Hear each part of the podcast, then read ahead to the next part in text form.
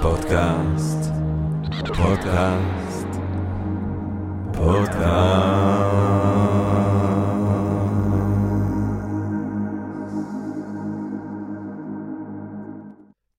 גבירותיי ורבותיי, ברוכות וברוכים הבאים לפודקאסט של Think and Ring Different, פודקאסט למי שאוהב לחשוב ולשתות. אני ג'רמי פוגל, ואנחנו רוצים להתחיל עם רגע של הודיה.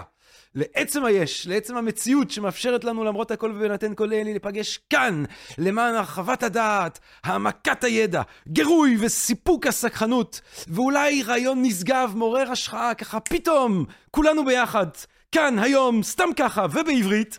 אה, ועל הדרך אנחנו כמובן גם רוצים להודות לסקרינס, יש בינג' אחר ויותר ויותר סקרינס, סדרות, הרצאות, אנחנו מצלמים כאן בסקרינס, אז כך שכל מי שאוהב את הפודקאסט ואוהב להאזין את הפודקאסט וגם רוצה לצפות בפודקאסט, תבואו, זה בחינם בסקרינס, ואז אפשר להירשם לשאר התכנים המרתקים. אה, ואנחנו ב- Think and Drink Different גבירותיי ורבותיי, אה, ממשיכים להציע לכם את המהפכה האחרונה של תובל רוזנבסר אה, עלה עליה, שזה retreat.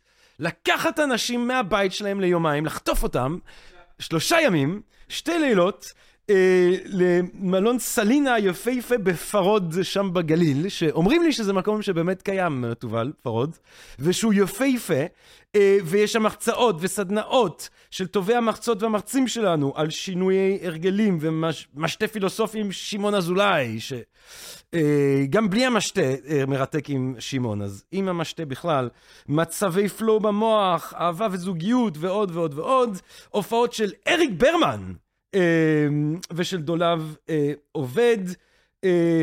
בין השמיני לעשירי בספטמבר, תחפשו את הדבר הזה בפייסבוק. באינסטגרם, באתר של Think and Ring Different, במה שקוראים לו האינטרנט. טוב, גבירותיי ורבותיי, אנחנו רוצים לעבור, ובעצם היום אנחנו נדבר על מה שבעיקר אה, אלה עם התפקיד, אה, אוהבים תמיד להגיד שהוא התפקיד הקשה ביותר בעולם, זה התפקיד הקשה ביותר בעולם, רשות הממשלה אה, ישראל.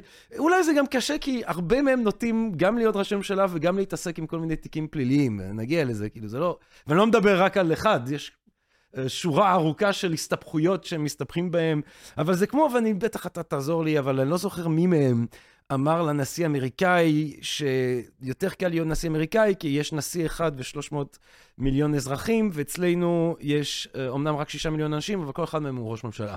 או איזה משהו כזה. אבל אה, ראשי ממשלה ישראלים נוטים להדגיש עד כמה שזה תפקיד קשה, וזה קשה, וזה הכי קשה. אז בואו נדבר על התפקיד הזה, בואו נפרק את הקושי הזה. איך אומר עטאו? אה, קח דבר קשה, תפרק אותו להרבה דברים קלים, וככה תעשה דברים קשים באופן קל. אז בואו נפרק את הדבר הזה, בואו נבין מה זה בכלל התפקיד. אה, ראש ממשלת ישראל, מי הם היו ראשי הממשלה, איך התפקיד הזה בנוי, איך זה בעצם אה, עוזר לנו, אם בכלל, כדי לדבר על כל הדברים האלה, גבירותיי ורבותיי, אנחנו שמחים, נרגשים אה, ומתגאים אה, לארח את, ה, את האדם הנכון למשימה, אין מה להגיד אחרת. אה, דוקטור אבי שילון, גבירותיי ורבותיי, אה, שהוא מומחה, מומחה בעצם בראשות ממשלה, אולי לקחת זה שמתישהו אתה עוד תרוץ. אתה, אני חושב שאני רואה אותך, אני יכול לראות אותך.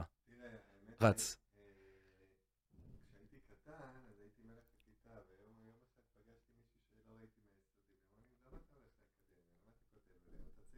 שלב ביניים, שלב ביניים, אבי. Uh, תואר ראשון uh, בפילוסופיה ובהיסטוריה של עם ישראל באוניברסיטת תל אביב, שני, היסטוריה של עם ישראל בתל אביב. את הדוקטורט שלו הוא כתב במדעי המדינה. uh, בבר אילן, ששם הוא, הוא, הוא חקר את יחסם של מנהיגי התנועה הרוויזיוניסטית לדת היהודית. אה, מעניין שהוא דת היהודית, היה אפשר לבחור אולי את היחסים שלהם, לא, אני צוחק, לדת הנוצרית. אה, פוסט דוקטורט ב-NYU, גבירותיי ורבותיי, New York University, בניו יורק, למי שלא הבין, אה, ששם גם הוא היה visiting scholar במשך אה, שלוש שנים, שלוש שנים יפות ב-NYU, אה, ששם בעצם אתה חקרת את הספרים, או כתבת את הספרים שאני אציין אותם, אבל כרגע עובד על גיבורי שוליים של הימין הישראלי.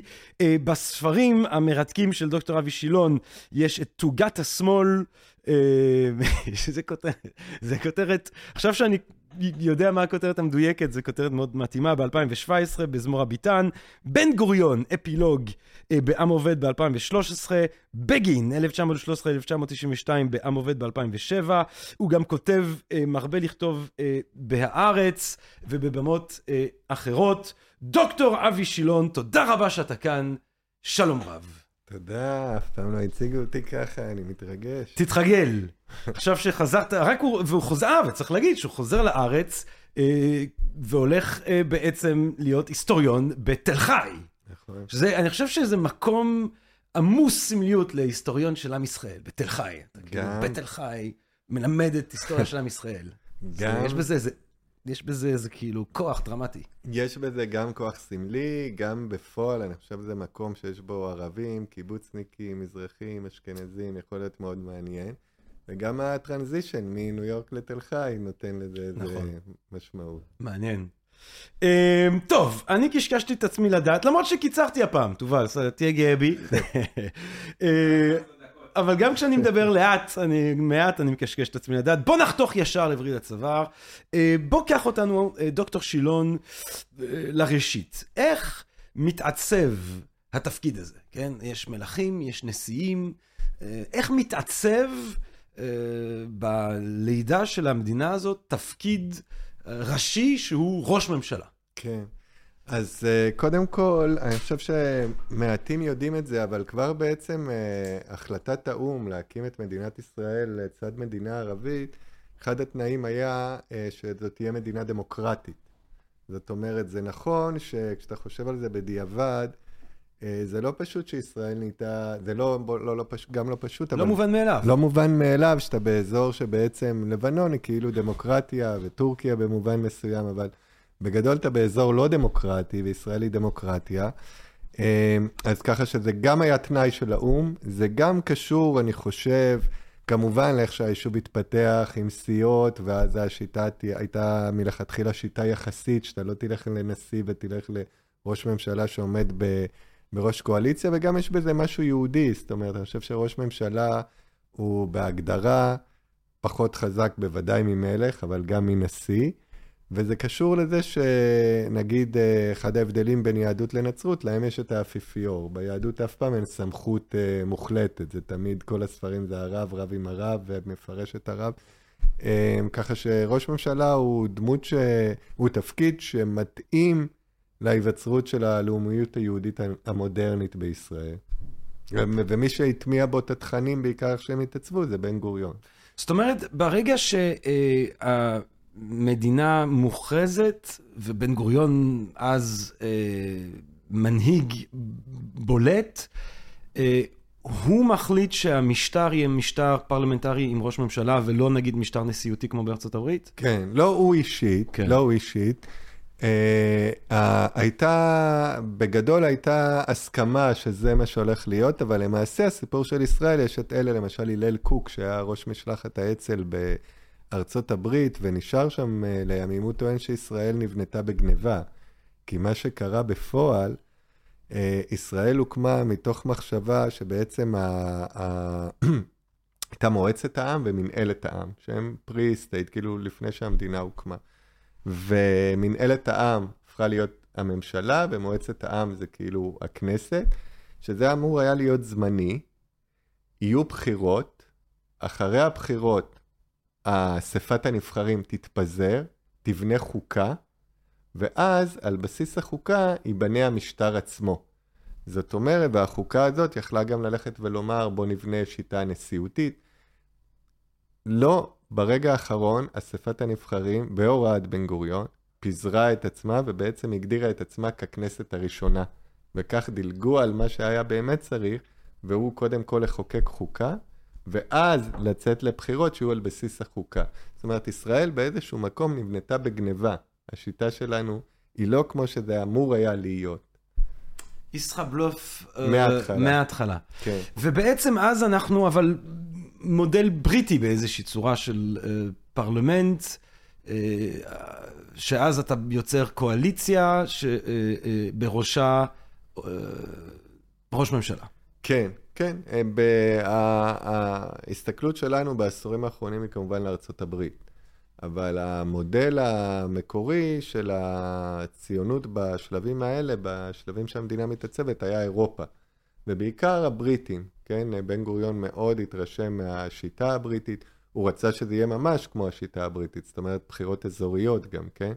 אבל uh, בגדול המודל באופן עקרוני יונק מה, מהשיטה הבריטית ולא מהשיטה האמריקאית. כאשר במקום uh, מלך או מלכה, נשיא. כאן. כאן, כן. כן. כן. אה, איך, איך בן גוריון, אבל איך, איך ה... זאת אומרת, אנחנו באמת מתחילים עם דמות אגדית כזאת. כן. אה, כמעט מיתולוגית, הבן גוריון הזה, larger than life, כן. האיש הקטן הזה, גדול מהחיים, אה, הזקן. איך, איך הדמות הזאת שלו מעצבת את התפקיד הזה לדורות שיבואו אחריו? כן. אז בואו נתחיל מהמימד שהוא גם עמוק אבל גם סמלי. קודם כל, בן גוריון, גם ראש הממשלה ושר הביטחון. שזה מראה לך את התפיסה הבסיסית שלו, שראש ממשלה בראש ובראשונה הוא שר הביטחון. זאת אומרת, הייתי אומר שאפילו שר הביטחון באיזשהו מקום יותר חשוב מראש הממשלה, כן? אה, זה ניכר גם בהמשך, אם אתה בוחן את ראשי הממשלה מהליכוד וראשי הממשלה מהעבודה או המערך או השמאל, אז תשים לב שבליכוד בגין מיידית ממנה שר ביטחון, וראשי הממשלה שבאים מהמסורת הבן-גוריוניסטית, רבין גם אה, היה אה, ראש ממשלה ושר ביטחון. נדמה לי שגם ברק היה ככה. זאת אומרת, הדבר הראשון שאני חושב שבן גוריון טוען בו את התפקיד, זה את הזיקה הזאת, אני ראש הממשלה ושר הביטחון.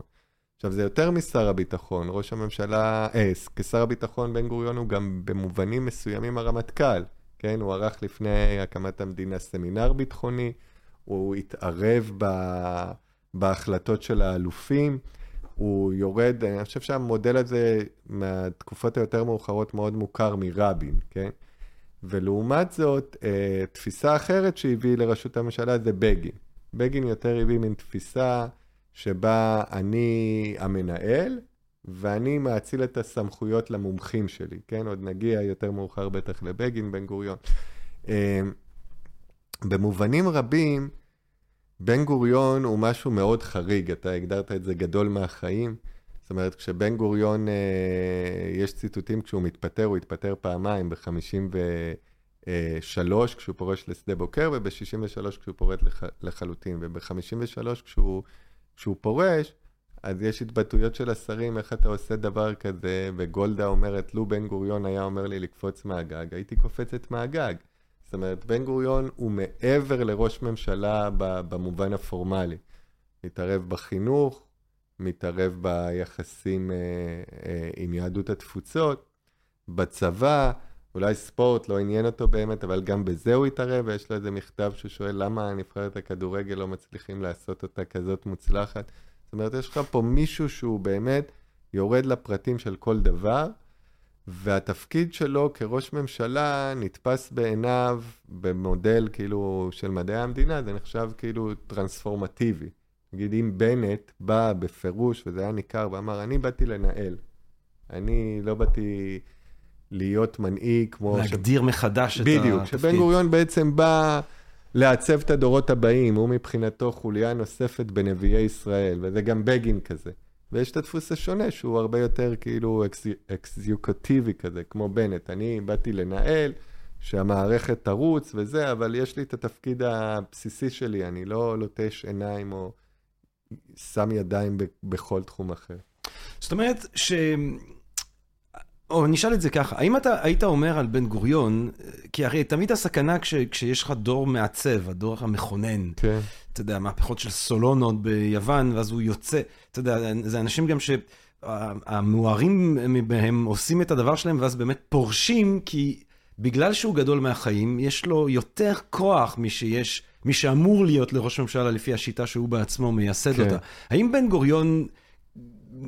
התנהל כראש ממשלה בתוך המגבלויות של השיטה הפרלמנטרית שהוא היה בין המכוננים שלה, או אם הוא הרשה לעצמו להיות יותר כמו מלך בגדול?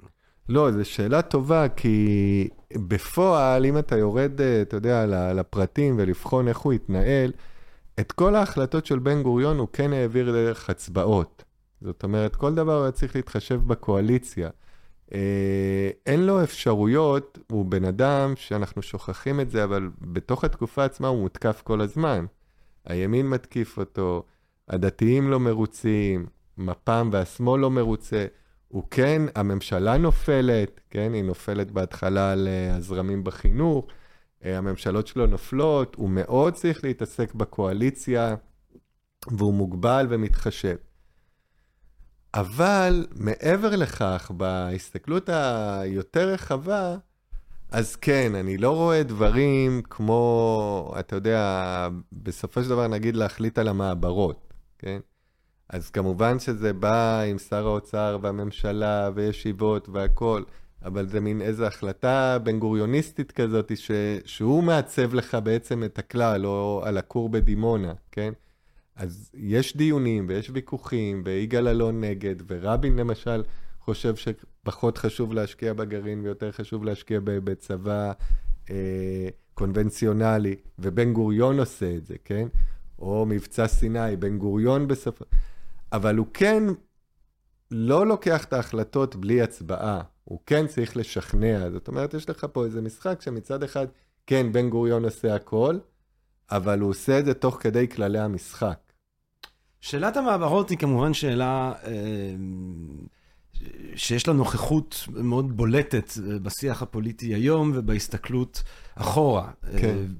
מצד אחד, בן גוריון באמת די מחליט להעלות מאות אלפים של אנשים אה, למדינה קטנה, ענייה יחסית, אה, עם מעט מאוד אזרחים. ואז כמובן, מואשם יותר ויותר אה, בשנים האחרונות כמחדיר דפוסים מסוימים של אפליה שיישארו אה, דורות קדימה. כן. איך, איך אתה חושב שכדאי לחשוב את בן גוריון בסבך הפוליטי הזה, כאילו? כן, קודם כל, כן, אנחנו נמצאים בתקופה, אגב, היא לא רק בישראל, גם בארצות הברית אתה כאילו חוזר אחורה לעשות רוויזיה להיסטוריה, ופתאום מאשימים גם את וושינגטון וגם... אמ, אז אנחנו בוחנים את בן גוריון, אני, אני חושב אבל שמבחינת הסיפור הספציפי הזה, יש פה שני רבדים. יש פה רובד אחד, ש... ועזוב אם אתה ציוני או לא ציוני, אלא תסתכל על זה באמת, אה, ב... בוא נקרא לזה ב... in good faith, כן? יש פה דבר מדהים. בא בן גוריון ואומר, לא מעניין אותי הכלכלה, לא מעניין אותי אה, פרטים טכניים. אני, יש לי תפיסה מאוד בסיסית שהציונות, חלק מרכיב מאוד יסודי בה, זה קיבוץ גלויות. אני רוצה את כל היהודים באשר הם יהודים, לא מעניין אותי איך נקלוט אותם, כמה זה יהיה קשה, הוא תובע מכולם להשתתף במאמץ, וזה משהו שלפחות מבחינת העם היהודי, כן? וצריך לזכור שהעם היהודי זה בעצם מלא קבוצות, זה כן דבר מאוד פלורליסטי, זה מדהים מבחינת השוויון שלו. בפועל, הדבר הזה נעשה אה, תוך אי התחשבות, אה, תוך ראייה מאוד מאוד אוריינטליסטית, בייחוד של בן גוריון, שבאמת, זאת אומרת, בשביל בן גוריון, נגיד ואתה, אה, אני באמת, עיראקים זה קצת סיפור שונה, כאילו, המשפחה שלי עיראקית, אבל... והיה לו איזושהי, בגלל שהם באו מהעיר, והיו באדמיניסטרציה הבריטית, כאילו הסתכלות קצת יותר, אה, נקרא לזה, מעריך את ה... אבל נגיד לגבי התימנים, זו תגובה, אה, הסתכלות מאוד אה, טובה, אה, לנתח את ההסתכלות של בן גוריון, שמצד אחד, הוא מתנשא בצורה שהיום אי אפשר לקבל אותה, כן? אתה צריך לחנך אותם, אתה צריך ללמד אותם להתקלח, אתה צריך ללמד אותם אה, לדבר, אתה צריך לסגל אותם למערה. ומצד שני, כל זה נעשה מתוך, אה, כמו שאתה מתלהב מתינוק, ואתה באמת מתלהב מהתינוק, כן? הוא באמת חושב, הנה דוגמה על היהדות התנ"כית, הנה אדם שגם יודע לעבוד את האדמה וגם יהיה לו פוטנציאל אדיר כאזרח, הוא כותב, אני רוצה שיהיה רמטכ"ל תימני. זאת אומרת, יש פה שילוב שאני חושב שצריך להיות רגיש גם לדקויות שלו, נכון? יש פה התנשאות, פטרנליזם, יש פה מימד של ניצול, אבל אתה יודע, כשמבחינת בן גוריון, גם הוא עצמו, כל האנשים, הם חלק שצריך לנצל אותם, כי מבחינתו חובה היא זכות, כן? אני עכשיו מנצל אותך, עלית, אני שולח אותך לפריפריה או למעברה, כי בעצם אני לא מנצל אותך, אתה שותף בפרויקט הכי גדול שיכול להיות. אז יש כאן איזה משהו שאני חושב היום, אנשים שפחות מנסים uh, להבין את בן גוריון עצמו, רואים את זה או מהצד של אוי, כמה זה נורא, ושללו את התרבות, ופגעו באנשים, ו... עד uh, כדי חשדות שבן גוריון מאחורי uh, חטיפת uh, ילדי תימן. לבין אלה שמעריצים ומתגעגעים, כשבן גוריון היה זה לא... וצריך לראות את זה משני הכיוונים, שיש פה איזשהו מצד אחד אה, הכלה מאוד גדולה של כולם, מצד שני, באמת הסתכלות היררכית אוריינטליסטית, שזה בא בין היתר בגלל שהציונות, יש מאמר מפורסם של אה, פרופסור ירון צור, שהוא חוקר את המזרח, תופעה שנבעה בעידן שהוא בינלאומיות לקולוניאליזם, וברובד הלאומי היה פה הסתכלות של כולנו שווים וכולם תבואו, וכשזה נעשה בעידן קולוניאליסטי, התפיסה היא שהמערב יותר טוב מהמזרח, אז אני אחנך אותך ויעשה את זה בכוח ואתה תקשיב לי, וזה יצר פערים שעד היום באמת הם בעייתיים. אני כן חושב שהשקיעה של תנועת העבודה של כל החבר'ה האלה של בן גוריון, ועד ימינו שזה הגיע לשישה מנדטים, נובעת בדיוק בפספוס הזה, שבאיזשהו מקום הם המשיכו לדבר על ערכים שכבר לא קשורים למה שקורה בחברה, והם פספסו את זה שבעצם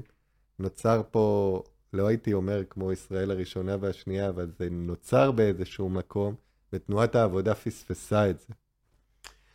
אני חושב שגם עוד דבר שהוא נורא מעניין, אני שמעתי סיפור של אמ, גבריאל מוקד, שתמיד אומר שהוא קצת הזליג של ההיסטוריה היהודית של המאה ה-20, אתה יודע, הוא פוגש את...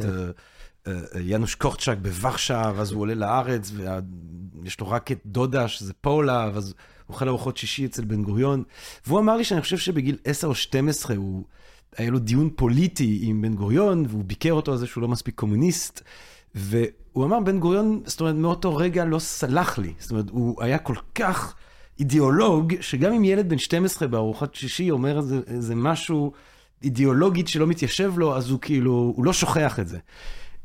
ואני חושב שהתוארה, או הטירוף, טירוף סלאש תוארה האידיאולוגית הזאת, כמובן בא לידי ביטוי באופן הבולט ביותר בהליכה הזאת בחדר במדבר, בשדה בוקר הזה. מה, תדבר איתנו קצת על העניין הזה שהוא היום קצת קשה לדמיין אותו. ראש ממשלה שפורש לא לעשות לביתו, כן. אלא לעשות צריף אה, ולהדגים חיים סטואיקנים חלוציים שכאלה. אז קודם כל, שוב, אתה צודק בהרבה מובנים שאתה מסתכל, ואני כבר כותב על הדברים, אתה יודע, מתקופה לגמרי שונה. אז אפשר להגיד שבן גוריון מטורף באיזשהו מובן. אני אתן לך דוגמה שדומה למה שסיפרת. כותב לו ילד או ילדה בן שבע או בת שבע מכתב, כאילו לבן גוריון, והוא תמיד מקבל מכתבים. זה היה בעצם המסנג'ר של בן גוריון, הוא ממש עבד כמו, כאילו יש לו את הפייס שלו, הוא מקבל אה, תגובות, עונה. וילד בן שבע, כותב כמה אני מתרגש, אדוני ראש הממשלה, אני מאחל... אתה יודע מה בן גוריון עונה לו? בפעם הבאה שאתה כותב לי, שזה יהיה בלי שגיאות בעברית בבקשה. וזה בן שבע. עכשיו, אז או שאתה אומר, תשמע, בן גוריון פסיכי, או שאתה אומר הפוך, תשמע, בן גוריון לא מעניין אותו. הוא רוצה להחיות את השפה העברית ושפה תקינה, אז דווקא לבן שבע ולבן ארבעים הוא מתייחס אותו דבר, כן, הוא לא עושה כן, אפליה בין כן. תינוק למבוגר. אז אפשר לקרוא לזה מטורף, אפשר לקרוא לזה באמת, אה, אתה יודע, טהרה אידיאולוגית. ולגבי העניין הזה של שדה בוקר, תשמע, הסיפוק שבן גוריון שאב מהחיים הוא באמת סיפוק של מימוש רוחני. ומה שהוא עשה ב-53, הוא מחליט לעבוד בשדה בוקר, זה קודם כל משהו של כנות בינו לבין עצמו. הוא כל הזמן מטיף ל- ליהודי החדש, לעבודת כפיים, לטפח את המדבר. והוא עצמו, מה הוא היה? הוא היה עסקן, כן? נכון שהוא הגיע לגדולות, אבל הוא כל הזמן בפוליטיקה. הוא לא היה חייל של ממש, היה לתקופה קצרה בגדודים, הוא לא היה לוחם, הוא לא היה בנאי, הוא לא היה חקלאי. אה, והיה משהו שהוא הרגיש שחסר לו. הוא אדם שכל הזמן אומר דיבור שאינו צמוד, הוא היה לו תמיד גם אוריינטציה בודהיסטית קצת. דיבור שאינו צמוד, אה, שאינו צמוד למעשה הוא כלום. וזה נורא הציק לו, והוא בן 67, 50, בשנת 53, אומר, די, מספיק. אה, אני רוצה ללכת ולממש את עצמי בשדה בוקר. ולא התכוונתי להגיד לממש את עצמי, אבל אולי זו טעות שאני צודק בה, שכן, היה פה גם מימוש עצמי של בן גוריון. זאת אומרת, הוא גם רצה לסמל דרך. לכו למדבר, לכו לנגב. אה, צריך להדגיש שהוא לא אמר לכו לקיבוץ, הוא כל הזמן הדגיש את זה, הלכתי לשדה בוקר לפני שזה היה קיבוץ. אה, אבל גם בשביל עצמו, כאילו הוא הרגיש, יאללה, חלאס, כמה אני יכול לדבר, כמה... אבל גם היה פה, ואז עובדים עליו כשהוא בשדה בוקר, כי הוא בן 67 והוא לא חזק, והוא מבקש לעבוד בדיר ולעבוד uh, ברפת וכל הדברים שקשורים לעשייה uh, מהסוג הזה. כנראה אין לו כוח להרים, אז היו בלילות מסדרים לו ג'וב שיהיה יותר קל, העיקר שהוא יהיה מבסוט. uh, אז זה קצת מצחיק, הוא לא הרגיש את זה כנראה. Uh, וגם צריך לומר שהצריף שסידרו לו, הוא צריף שונה מהצריפים שהיו, כאילו לאט לאט הכניסו מזגן שזה אדיר, לאט לאט הכניסו מקרר שזה אדיר, לתקפה הזאת. אבל עדיין זה מדהים שהוא הולך לחיות חיים פשוטים, עם חאקי, עם קצר, לעבוד. כמובן שהוא לא התמיד בזה, וזה תמיד אצל בן גוריון. זאת אומרת, בסופו של דבר, הצריף שלו בשדה בוקר נהפך להיות למקום שבו באים מהממשלה להתייעץ איתו, ואז הוא חזר. זהו, מה קורה בעצם? הרי, אז אתה אומר, הוא פורש ב... 53 אה, זה פרישה ראשונה עד 55. ואז הוא חוזר. כן. מי, מי ראש ממשלה בשנתיים האלה? משה שרת. נכון. ש, שזה ראש ממשלה מאוד מעניין, שהוא מאוד נזנח, אבל הוא כאילו מודל שונה לחלוטין. אז יש שנתיים של שרת, ואז בן גוריון חוזר. כן, פחות משנתיים, אבל בערך, כן. ואז הוא ממשיך עד ל-63. כן. ואז הוא חוזר לצחיף? ואז ב-63 אה, הוא נע בין הבית שלו בתל אביב לשדה בוקר. אה, הוא ממשיך ככה בין הבתים, כשהוא אומר שהוא מעדיף דווקא את שדה בוקר. ובשנים הממש אה, האחרונות שלו, הוא כבר לגמרי מסוגר בשדה בוקר. ועדיין באים בשנים האלה, בשנות ה-60, עדיין, הוא עדיין מעורב פוליטית, הצל שלו עדיין אז, מעל אז... אה, כל מחזיק בתפקיד? אז זהו, זה, זה כאילו צריך לנתח את ה... לפרוס את הפרישות האלה לחלקים. ב-53 כשהוא פורש, אז אין שום שינוי. זאת אומרת, הוא הולך לשדה בוקר, אבל מתקינים לו טלפון. והחלטות אה, אה, השרים באים אליו, ומחוץ לממשלה באים להתייעץ איתו, והוא כל הזמן מתעדכן, ובעצם הוא כמו אה, מישהו שהיה המלך, אבל הוא מבקש להיות הנביא. זאת אומרת, הוא לא פורש, הוא רוצה לסלול את הדרך, אבל בלי להתעסק בקטנות האלה של היום-יום. אבל בשלב הזה זה עדיין בן גוריון בשיאו, זאת אומרת, כשהוא חוזר, הוא חוזר ב-55, מתכנן את מבצע סיני, וממש חוזר לפוליטיקה. ב-63, כשהוא פורש, ואגב, צריך להגיד על בן גוריון עוד דבר מעניין, שהוא שונה מראשי ממשלה שלנו, הוא עובד, הוא הולך לעבוד בעצמו עבודת כפיים, אבל הוא מת על חופשות. כאילו, זה דבר שאין אותו היום, גם העולם השתנה. בן גוריון יוצא מדי פעם לחופשה של שבוע, שבועיים, לקרוא ספרים, להתנתק. כן. וחלק מהרצון שלו בפרישה הראשונה הזאת היה, היה כזה. הפרישה השנייה ב-63 היא מעניינת, כי קודם כל, כשבגין פרש, מה הוא אמר? נראה אם אתה... כי בדרך כלל... איני יכול עוד? בול, נכון? כולנו יודעים שהוא אמר איני יכול עוד, וזה מה שהוא אמר. למעשה בן גוריון אמר את זה, אף אחד לא זוכר את זה, שבן גוריון ב-63 פורש, הוא מסביר את זה, איני יכול עוד. קטע. מעניין שבגין, לדעתי...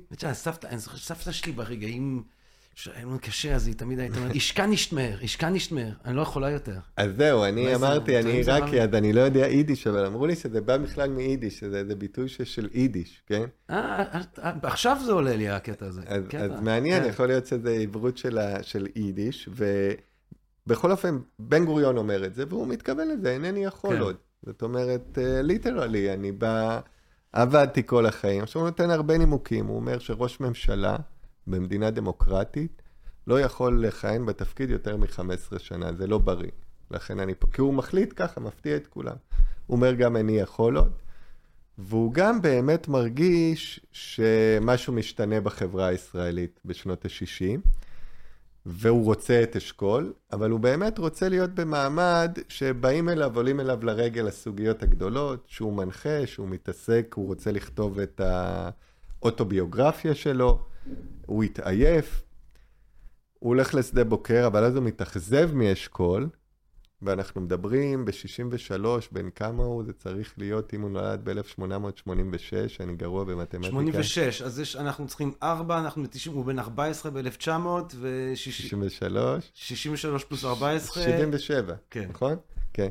אז הוא פורש בגיל 60, 77, אבל חוזר בגיל 79, להקים את רפי, שהיא מעין מפלגת המרכז הראשונה, ולהתנגש במפא"י על רגע פרשת לבון. זאת אומרת, כמעט בגיל 80, בן גוריון מבקש עוד מהפכה, והוא חוזר לפעילות פוליטית, וחוזר למאבקים. הגידו כן לזקן זה 55, או זה... הגידו כן לזקן זה 59. 9? כן, זה 59.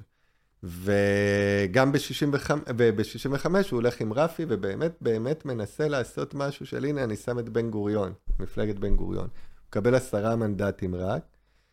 יש בזה בדיעבד סוג של הצלחה, יש בזה סוג של כישלון, כן? הוא לא נכנס לקואליציה.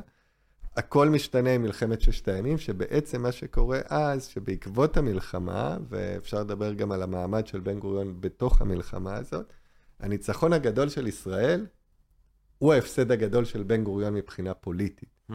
כי בעצם, אם לפני המלחמה באו וכמעט החליפו את אשכול בבן גוריון, כי כולם מפחדים מהאיש הזה, אשכול, שלא יודע להוביל אותנו למלחמה, וכולם בלחץ, ובן גוריון כמעט חוזר לתפקיד, אחרי המלחמה, פתאום, וואלה, אפשר לנצח בלי בן גוריון. וזה בעצם הסוף הפוליטי שלו ב-67. קצת אחרי, תשעה מעשרת החברים של רפי מתמז... מתמזגים בחזרה במפא"י. פרס, לא נעים לו, שהוא רוצה לחזור למפא"י, אבל הוא כל כך היה חסיד של בן גוריון, אז הוא כותב לבן גוריון משהו כמו מכתב שהוא אישי מאוד, בעיניי היה מעניין ונוגע ללב. תשמע, אם אתה לא רוצה שאני אשב בכנסת לידם, אז למרות שהצטרפנו למפא"י, אני אשאר, ובן גוריון עונה לו בעצבים, תשמע, אה, אני יודע, כמו שאני יודע לעמוד על הראש, אני יודע גם לעמוד על רגל אחת, זה בסדר, לך תעשה מה שאתה רוצה, אני לא מתמזג במפא"י. ואז הוא נשאר בודד ב-67. כאן הוא מתחיל לדעוך קצת, המערכת באמת ככה מבינה שזה הסוף שלו, ואז הוא עובר בחמשת, חמש השנים האחרונות שלו לשדה בוקר, ואז הוא מגיע, פה יש כבר איזו שקיעה באמת שהיא נוגה. יש, כשעזר ויצמן היה, כשכתבתי את אפילוג, בן גוריון אפילוג, אז ניסיתי, אתה יודע, לעבור על כמה שיותר עדויות, ומצאתי עדות של עזר ויצמן כשהוא נשיא, הוא בין, אה, בשנת בטח 94 או משהו כזה, הוא בא לדבר אולי באיזה פורום של, שקשור לבן גוריון, והוא אומר, תשמעו איזה טמבל הייתי. בשנת 72, אה, אני הייתי באיזה משהו של צה"ל בנגב, ובן גוריון שמע על זה, אז הוא הזמין אותי לארוחה. ואני אומר לעצמי, והוא היה, אתה יודע, צעיר יחסית, בן 40-50, מה יש לי כוח לזקן את זה? אני לא, אין לי כוח, אני אשקר שאני לא בא. והיום, ככה עזר ויצמן אמר בשנות ה-90, אני אומר, זה מטומטם, אני, היה לי אפשרות לעוד שלוש שעות עם בן גוריון כן. לבד בשדה בוקר, וויתרתי על זה כי אין לי זמן. אז זה כבר השנים שבן גוריון באמת נוטשים אותו והוא לבד. מעניין. טוב, אני רוצה להגיע לבגין, אבל כן. בתקופה הזאת, בין uh, מלחמת ששת הימים לבין בגין, אני רוצה, אני, טוב, אתה יודע, זה, אתה יודע, הברכה הסינית, שיהיה לך חיים משעממים, זה לא ברכה שישראל uh, כן. מצטיינת בה. אז הכל מעניין, אבל גולד, אני רוצה לדבר קצת על גולדה. כן. כי אה, א', Sisters are doing it for themselves, אתה יודע, את הקליפ, השיר הפמיניסטי וזה, וגולדה מככבת, זאת אומרת, ישראל מאוד שוביניסטית. זאת אומרת, כן.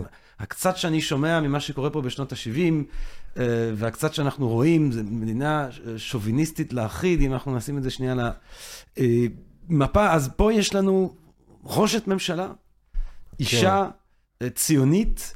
אה, בזמן, אני ראיתי לא מזמן תמונה שלה כצעירה באמריקה, לבושה בצורה קצת תנכית, עם בר יוחאי ו- ו- וחנוכיה או מנורה או זה. אישה גם, כמו שאתה אומר, מוכנה לקפוץ מהגג לבן גוריון, על, מחליטה לעלות לארץ בעקבות ההחצאה של בן גוריון. כן. אישה מאוד מעניינת. וציונית רד... רדיקלית באיזשהו אופן. כן, אישה מאוד מעניינת, אה, בין היתר בגלל שהיא התחנכה, ב, ב, עכשיו במילווקי. כן, מילווקי. ו... אה, אז היה לה גם אוריינטציה קצת אמריקאית, לצד אוריינטציה מאוד סוציאליסטית. אבל במובן הזה של פמיניזם, זו שאלה טובה, כי גולדה היא השלב, אני אפילו לא יודע אם השלב הראשון של הפמיניזם, כי היא כל כך אנטי-פמיניסטית. זאת אומרת, זו שאלה איך אתה בוחן את זה. מבחינתה של שולה אלוני, שהייתה האויבת שלה, אה, גולדה ממש גרמה נזק לנשים. זאת אומרת, היא, היא שנאה את אה, שולמית אלוני. והיא אמרה בפירוש שאני לא מאמינה, למשל, באפליה מתקנת לנשים, והתפקיד שלה היא בעצם לא, למעט לסמל את זה שאישה יכולה להעפיל לדרגות הגבוהות, אז גולדה בעצם התייחסה לעצמה במובן הזה שצריך לשאול מה זה... אין הבדל בין גבר לאישה, כן? אני לא רוצה שתבואו ותגידו לי שצריך לעשות יותר למען אנשים כדי לדחוף אותם קדימה. אני חושבת, כמו שאלה שנותנים לך את הדוגמאות, הנה, גם הוא יכול להיות עשיר, אז כל אחד יכול להיות עשיר. התפיסה שלה היא מאוד שוביניסטית, כן? היא לא... אבל איך בכלל בתוך המערכת הפוליטית הישראלית, זאת אומרת, אף אחד לא... לא היה קשה יותר לאישה להתמנות לתפקיד הזה בתוך המערכת הפוליטית הישראלית? לא... אז... היא, היא, היא אולי יוצאת הדופן שמוכיחה את החוק? או מה, מה בעצם מוביל למצב ש, שבשנות ה-70 אישה אה, אז, מגיעה לתפקיד? אז תראה, יש כמה רבדים. קודם כל, הציונות, אה, היא הלכה בד בבד עם אה, איזשהו פמיניזם מסוים, כן? אה, כמו שהלאומיות בתקופה ההיא הייתה, אתה יודע, משהו שהוא נאור. היום אם אתה אומר שאתה לאומי, אז אתה נתפס מאוד דווקא כ-Backward ואיש ימין מיושן וזה, אבל הלאומיות במקור שלה זה הולך עם חילוניות והשכלה ויחס שוויוני לנשים. ובציונות זה מאוד, מאוד הודגש, שאנחנו רוצים לתת, המהפכה של היהודי החדש כוללת גם את המהפכה הפמיניסטית. אה, ז'בוטינסקי דיבר על זה שאנחנו רוצים אה, אישה מנהיגה כמו המזונות, ובן גוריון כל הזמן מדבר על זה שלאישה יש גם הכוח שלה כאם, הוא אדיר, וגם הכוח בפני עצמה. ואני חושב שבמובן, וגם זו מהפכה שהיא קצת אנטי-דתית, אז אני חושב שבמובן הזה לקבל אישה אה, היה בציונות יותר קל. השאלה היא איזה מאפיינים אה, פמיניסטים גולדה הביאה כדי להקשות על זה להתקבל. כי אם גולדה לא מביאה שום דבר שהוא באמת אה, פמיניסטי, אז אה, למה שזה יהיה קשה, כן? לקבל אותה. אה, אפשר לומר, וזו שאלה איך אתה מנתח את זה. תשמע, גולדה אה, עזבה את בעלה בסופו של דבר, ניהלה רומנים אה, לא מעטים, אה, הרשתה לעצמה לממש את החיים שלה כמו שהיא רוצה. היחסים שלה עם הילדים שלה לא היו מושלמים בגלל שהיא שמה את הדגש על הקריירה הפוליטית. ובמובנים האלה אתה יכול להגיד שהיא סמל, אה, סמל כאילו אייקון פמיניסטי של אחת שעושה, שמוכיחה שאישה יכולה לפלס את דרכה ובלי להתפשר. אבל שוב, בה, היא לא חוקקה איזה חוק שהוא אה, פרו-פמיניסטי, היא התנגדה כשהיו אומרים לה בואי... אה, אה, היא הייתה לפרק זמן מסוים אה, חברה בהסתדרות ב, ב, במחלקה שנועדה לקדם את מעמד האישה, אבל התפיסה היא תמיד שהכל מוכפף לאינטרס הלאומי. זה קצת כמו בחורה היום שתגיד לך איזה כיף אני יכולה להיות טנקיסטית. אז נכון שבצה"ל היא עכשיו יכולה להיות טנקיסטית, אבל היא טנקיסטית בשם הצורך לחזק את צה"ל. היא לא טנקיסטית בגלל ש... שצה"ל החליט שבאמת לאישה מותר לעשות את זה, או יכולה לעשות את זה. ובמובן הזה זו שאלה טובה, אה, האם גולדה קידמה את מעמד הנשים, או לא, והאם בעצם אתה צריך לבחון אותה לפי הדעות והעמדות שלה, או לפי המורשת הביוגרפית. האם אתה חושב שהסוף, אה, יום כיפור, האסון הזה של אה, יום כיפור שנדבק לה, אתה יודע, בסוף תמיד, קצת כמו שאומרים עכשיו, יש את ה... אתה אחראי, the buck stops with you בעיקרון. יכול להיות כן. שהיא הייתה יכולה להגיד שהיא לא ידעה, לא שמה לב, לא תפסו אותה בבגד ביום כיפור, אבל...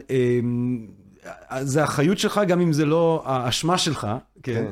אה, אבל, אבל זה נקשר אליה. אה, זה אולי משהו שגם כאילו הוא חלק מהחישוב של איך הדבר הזה השפיע על תפיסה של אה, נשים בפוליטיקה הישראלית. כן, תראה, לכן חשוב שאנחנו מדברים וחשוב להעמיק בהיסטוריה, כי בזיכרון הציבורי, אז כמו שאמרת, יום כיפור זה מסמל את הכישלון של גולדה, כן? והיא גם התפטרה בעקבות זה, וזה בעצם הסוף שלה. בפועל, אם היינו מדברים עכשיו רק על גולדה, כן, וגם מספיק שיש את השאלה הזו, יום כיפור הוא דווקא ההישג הכי גדול של גולדה.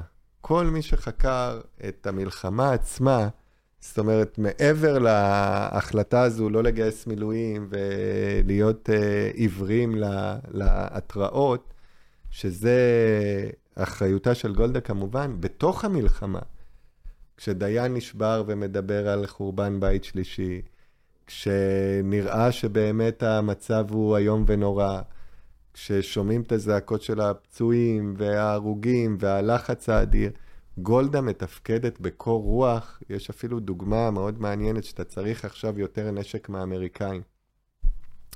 ואיך תעשה את זה? אתה יכול לעשות את זה בשתי דרכים. אני עושה את זה ככה בצורה פשוטה, כן? אתה יכול לבכות, להתקשר ולהגיד, תצילו אותנו, מדינת הילדים, אה, מדינת היהודים אה, הולכת אה, להישמד, כן? ואתה יכול לבוא, ואז אתה לוקח בעצם את הסיכון, שגולדה הבינה אותו בחוכמתה, שנגיד ועכשיו ייתנו לנו את הנשק, אבל גמרת עם הדימוי של ישראל כמדינה חזקה, שגם ארצות הברית זקוקה לה, כי הלוא הברית בין ישראל לארצות הברית באמת התעצבה אחרי 67, רק כשישראל נהייתה חזקה. אז היא ידעה אפילו איך לבקש את אספקת הנשק בצורה שלא תעורר רחמים, אבל כן תעורר רצון לספק לך עוד. Hmm. והיא הייתה מאוד חכמה, קרת רוח, וכל מי שקורא, שאתה קורא את הפרוטוקולים ושומע את הדברים וקורא את החומרים של התקופה, דווקא ביום כיפור עצמה, בימי המלחמה, גולדה הייתה, תפקדה מאוד יפה, או כמו הבדיחה או הקלישאה הזאת, כאילו כהגבר של הממשלה. הכישלון הגדול של גולדה הוא אטימות לראות דברים, גם למשל עם המזרחים. כן? בתקופתה זה הפנתרים השחורים, והיא ממש לא מבינה את זה, כי היא חושבת במונחים של ה... של ה... אה, אה, סוציאליסטים של פעם, מה אתה בוכה? לך תעבוד קשה, אתה תורם למפעל. היא לא רואה שזה מזרחי, והוא לא רואה את הדברים כמו מישהו שחינכו אותה על בסיס האידיאולוגיה הסוציאליסטית של הציונות. היא עיוורת מאוד לפנתרים השחורים, קוראת להם לא נחמדים, במקום להבין את הסערה. היא עיוורת לאפשרויות שיש, שבעצם מקבלים איתותים מהמצרים, שאפשר אחרי המלחמה להתקדם דרך הסדרי ביניים או דרך הסדר... היא עיוורת מאוד לדברים האלה. היא עיוורת לקיום של הפלסטינים. כן. היא כאילו אומרת את זה בפירוש, אני פלסטינית, אין עם פלסטיני. נכון. אז uh, היא, היא הייתה עיוורת להמון דברים, וגם לפמיניזם, אבל דווקא במלחמת יום כיפור עצמה, היא דווקא הוכיחה כושר מנהיגות, מנהיגות, כן. אמ, טוב, אנחנו נגיע לרבין, פה יש אה, רבין אחד, אבל אה, נגיע אולי לרבין שתיים. בואו נגיע לבגין, שזה אה, באמת גם המהפך. אמ, אתה יודע, סבתא שלי שציינתי מראש היא פעם בסיטואציה כזאת או אחרת בחו"ל, וזה פגשה את בגין, ושאלתי אותה פעם איך הוא היה, אז היא אמרה, מאוד מאוד פולני. עכשיו, אם סבתא שלי אומרת על מישהו שהוא מאוד מאוד פולני, אבל אנחנו חושבים על 77, ובאמת אנחנו חושבים שה... הרעידת אדמה הזאת היא בסוגיה המזרחית בעצם, הדתית. אה, פרס, שאתם עם התנועות המזרחיות האלה שלכם וזה, כן. ובגין, של, שהוא הסמל הגדול של, של ישראל המזרחית, שסוף סוף, אבל, אבל זה הפולני-פולני הזה, איך בגין הופך להיות מנהיג, איך בגין הפולני כל כך אה, הופך להיות מנהיג ש, ש, שמסמל את, ה, את, ה, את המרד, את ה... את המהפך המזרחי בפוליטיקה הישראלית. כן, אז קודם כל, הלאומיות הפולנית, כן, השפיעה המון על הלאומיות הרוויזיוניסטית בכלל בעיקרון, כן? אנחנו מדברים פה עכשיו יותר על התרבות הפולנית, כן? אבל אני רוצה להגיד שגם אם היינו יורדים לעומק של התפיסה הרוויזיוניסטית את הלאומיות, למשל משורר נביא כמו הצג, זה דברים שהם שאולים, ש, ש, אה, שאולים מהלאומיות הפולנית, אה, משהו במזיגה בין אה, דת ולאום, שאול מהלאומיות הפולנית. אז בעצם צריך להבין את זה שיש השפעה פולנית מאוד גדולה גם על הרוויזיוניזם בפני עצמו. עכשיו, בגין הוא פולני במובן הזה, כשאני כתבתי את הביוגרפיה, נשאר אחד מהמפקדה של האצ"ל בחיים, שלמה לבמי, היה בן כמעט 100, אז או 90 ומשהו. הוא אמר לי, תשמע, בגין היה כל כך פולני בעינינו שאנחנו כאילו ארץ ישראלים. באצ"ל, כשהיו רוצים להסוות את, ה... את עצמם מפני הבריטים, אז נגיד היו שולחים אותך עם בחורה בערב, כי אז זה נראה מין טיול רומנטי כזה. אז היו מצמידים לבגין בחורה כשהוא הולך, וכשחוצים את הכביש הוא מנשק לה את היד, וכשהכביש מסתיים הוא שוב מנשק לה את היד, ואז שלמה לבמי אמר לי, היינו אומרים מאחורי אגב, תגידו, הוא חולה, הוא לא בסדר, מה זה הדבר הזה? זאת אומרת, הפולניות שלו עמדה גם מול הארץ-ישראליות של חברי המפקדה. אבל כשאתה חושב על מה זה פולני לעומק, כן? עזוב את הגינונים, כאילו פולני זה לא הגפילטה פיש רק, או התה המתוק שהוא היה שותה גם כשזה חם.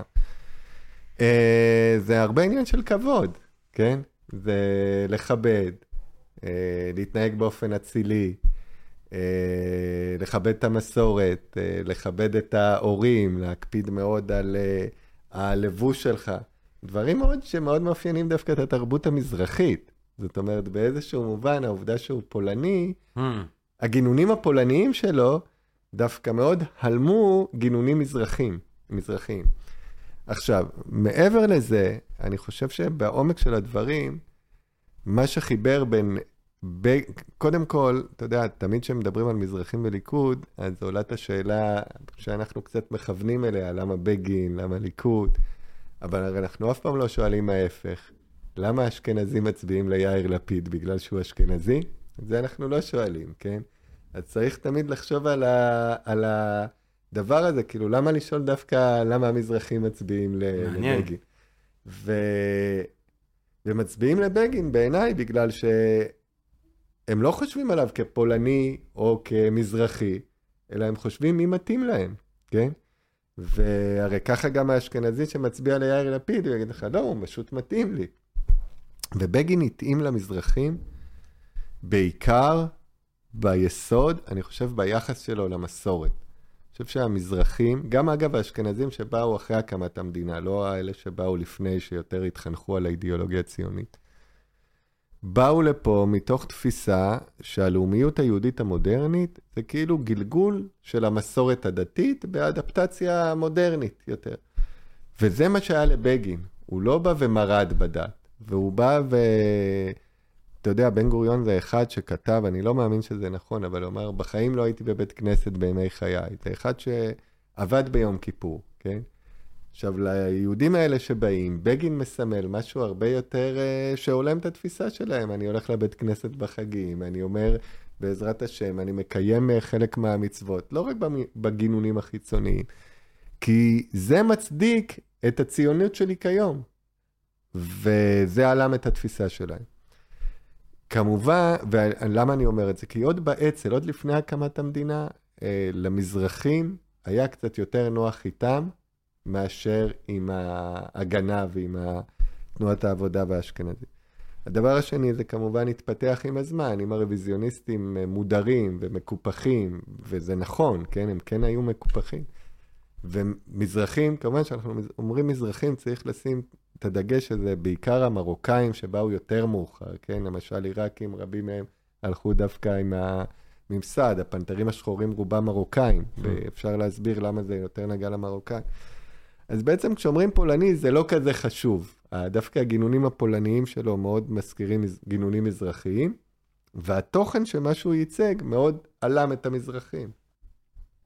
אתה חושב שהמהפך באמת היה גם מהפך אה, במה שאנחנו מדברים עליו, על התפקיד הזה של ראש הממשלה? כן, כן. אני חושב שלמשל מלחמת לבנון הראשונה, כן, שמדברים הרבה פעמים, עכשיו יש ספר חדש, 1982, הדרך ל-1982 של יגאל קיפניס, שמנסה להגיד ששרון לא רימה את בגין, בגין ושרון עבדו יחד, ויש תמיד את הטענה, נגיד, של אה, דן מרידור, או הבן של אה, בגין, בני בגין, שזה שרון רימה אותו.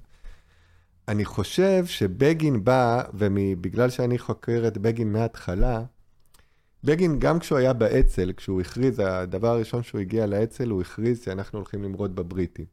וזה דבר שלו. הוא החליט על הקו הזה.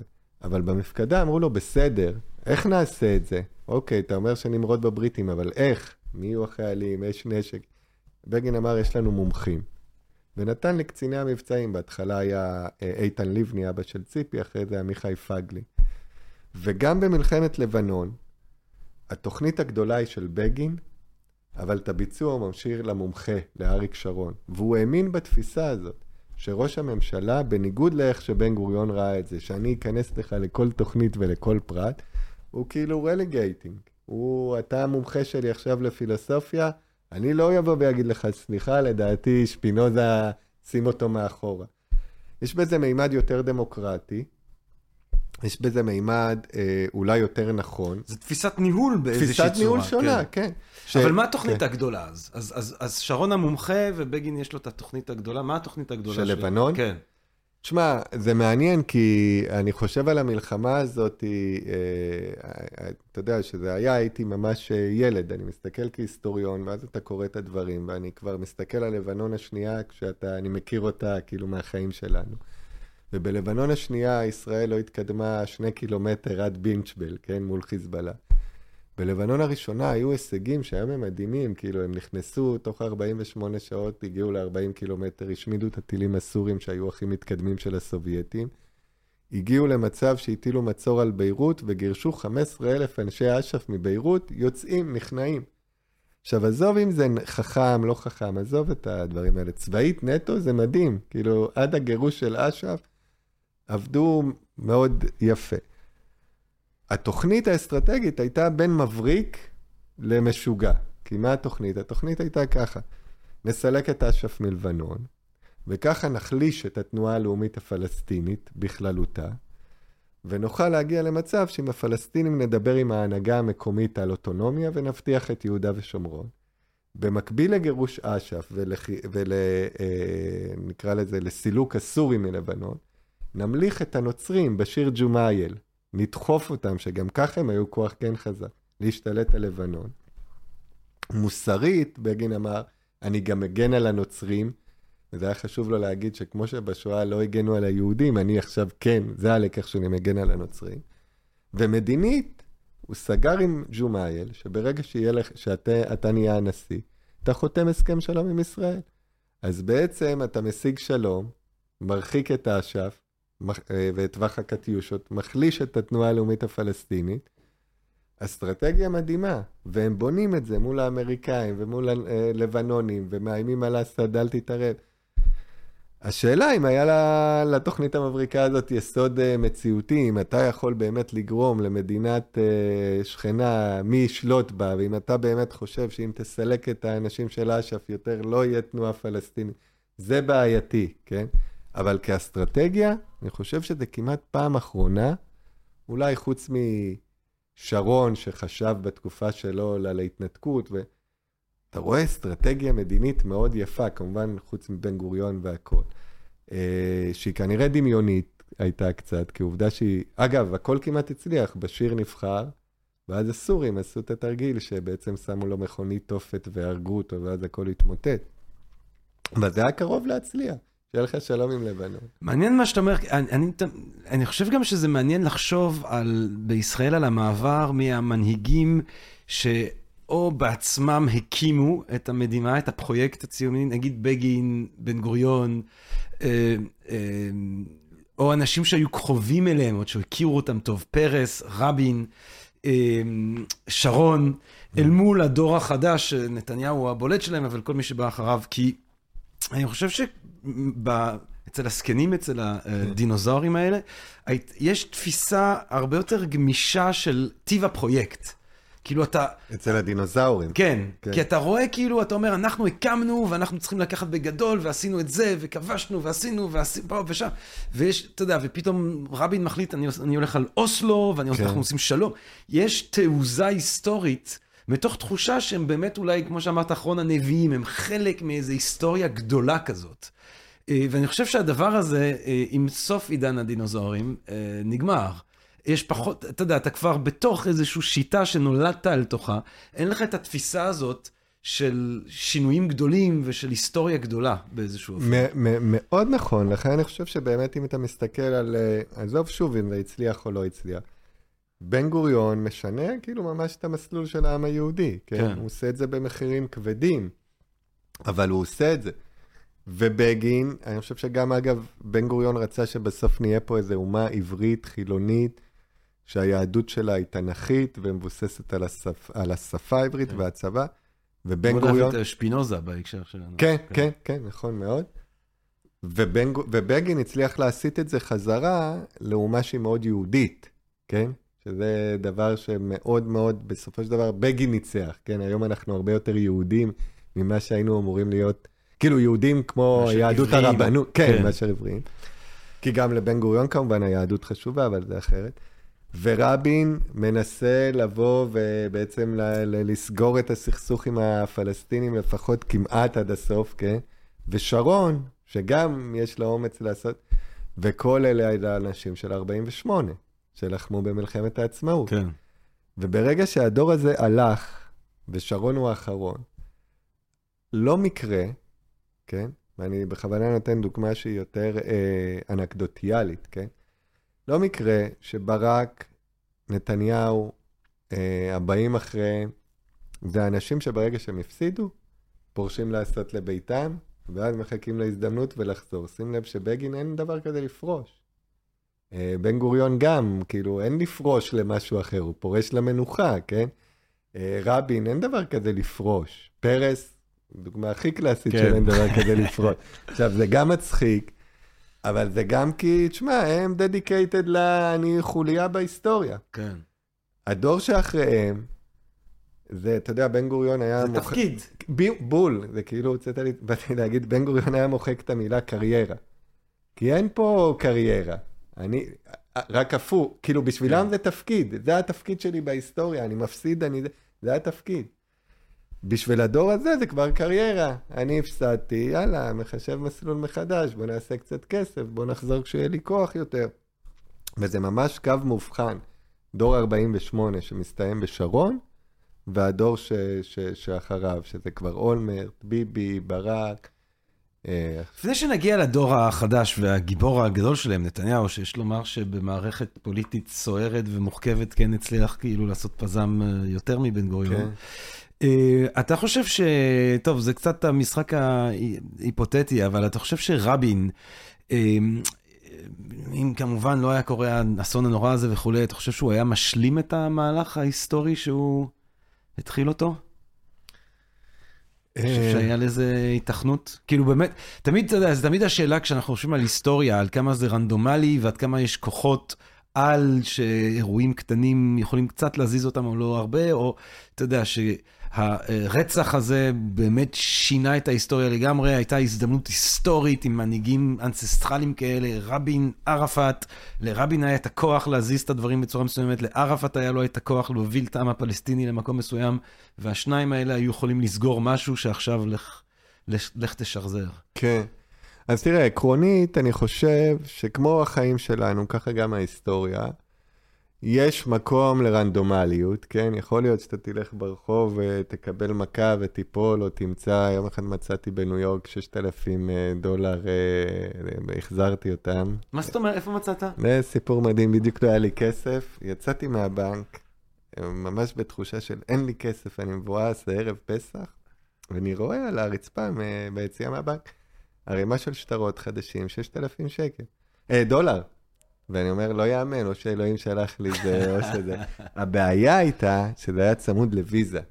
וברגע שיש לך ויזה ושם, אתה לא יכול לחשוב שזה נמצא. אז כן. הלכתי והחזרתי לבנק, ואז ירדו עליי, מה אתה מחזיר לבנק? בנק זה...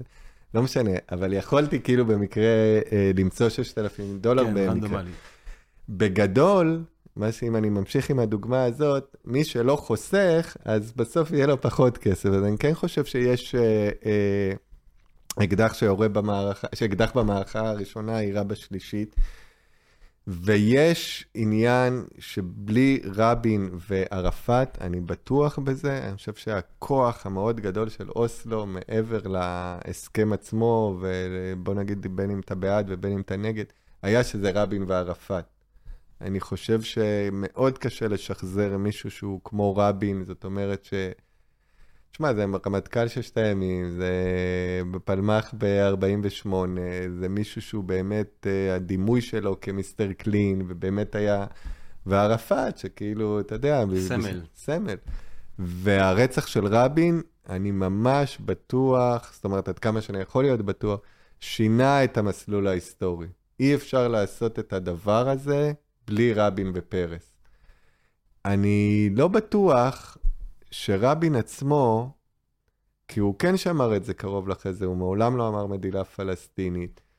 אה, אני לא יודע עד כמה אה, הוא היה הולך עד הסוף במובן הזה של אה, כאילו סוף, היה מצליח להביא לסוף הסכסוך. אני בטוח שהוא היה לוקח אותה, שהוא היה האיש הנכון לעשות את זה.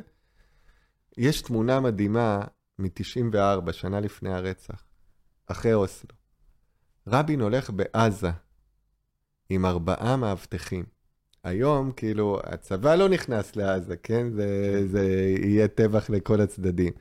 הולך עם ארבעה מאבטחים, וכולם עושים לו שלום, בעזה. זאת אומרת, זה מדהים לראות את זה, תראה את זה בגוגל עם ארבעה מאבטחים רבין. כי אני חושב שהיה באמת איזו עילה שהייתה מקובלת על שני הצדדים, שזה רבין, ורבין עושה את זה. ואותו דבר ערפאת. ערפאת היה יכול לעשות דברים שאבו מאזן, או כן. גם אני, לא יכולים לעשות. במובן הזה, אם אתה חושב על רצח ששינה את ההיסטוריה, זה דוגמה קלאסית. ממש דוגמה קלאסית שכאילו אין לך את הבן אדם, אין לך את המסלול. אני חושב שהסינים אומרים, אמירה שאני אוהב אותה, אם אתה פוגש את הבן אדם הנכון, והוא לוקח אותך בדרך הלא נכונה, אתה תגיע. אם אתה פוגש את הבן אדם הלא נכון, והוא לוקח אותך בדרך הנכונה, אתה לא תגיע. זאת אומרת, הרבה פעמים זה הבן אדם, ולא הדרך. מעניין. כן. מעניין ועצוב. כן.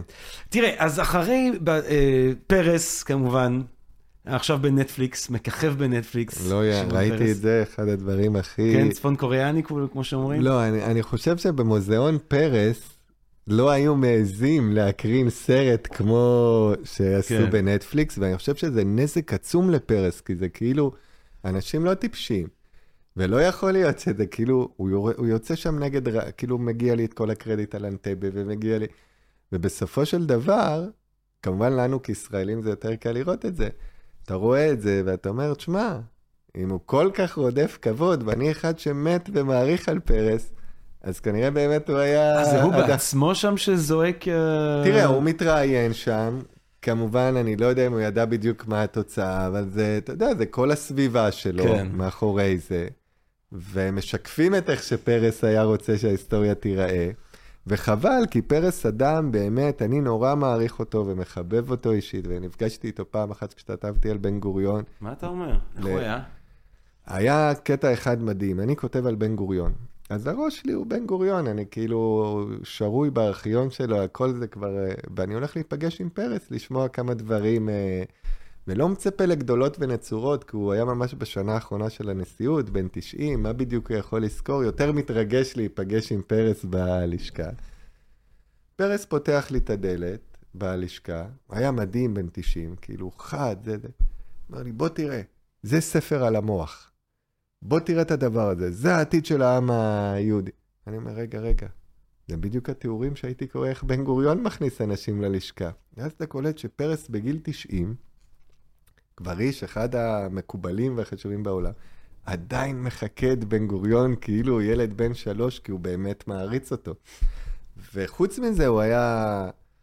כאילו, אתה מבין את הכוח של פרס בפגישה של אחד מול אחד. הוא שואל בדיוק, מבין, מה חסר לך בחיים, איפה אתה בזה, כאילו, אפילו שאתה הכי בורג קטן מולו, כן, הוא נפגש עם אנשים הרבה יותר חשובים ממני, אבל הוא יודע לגעת בך.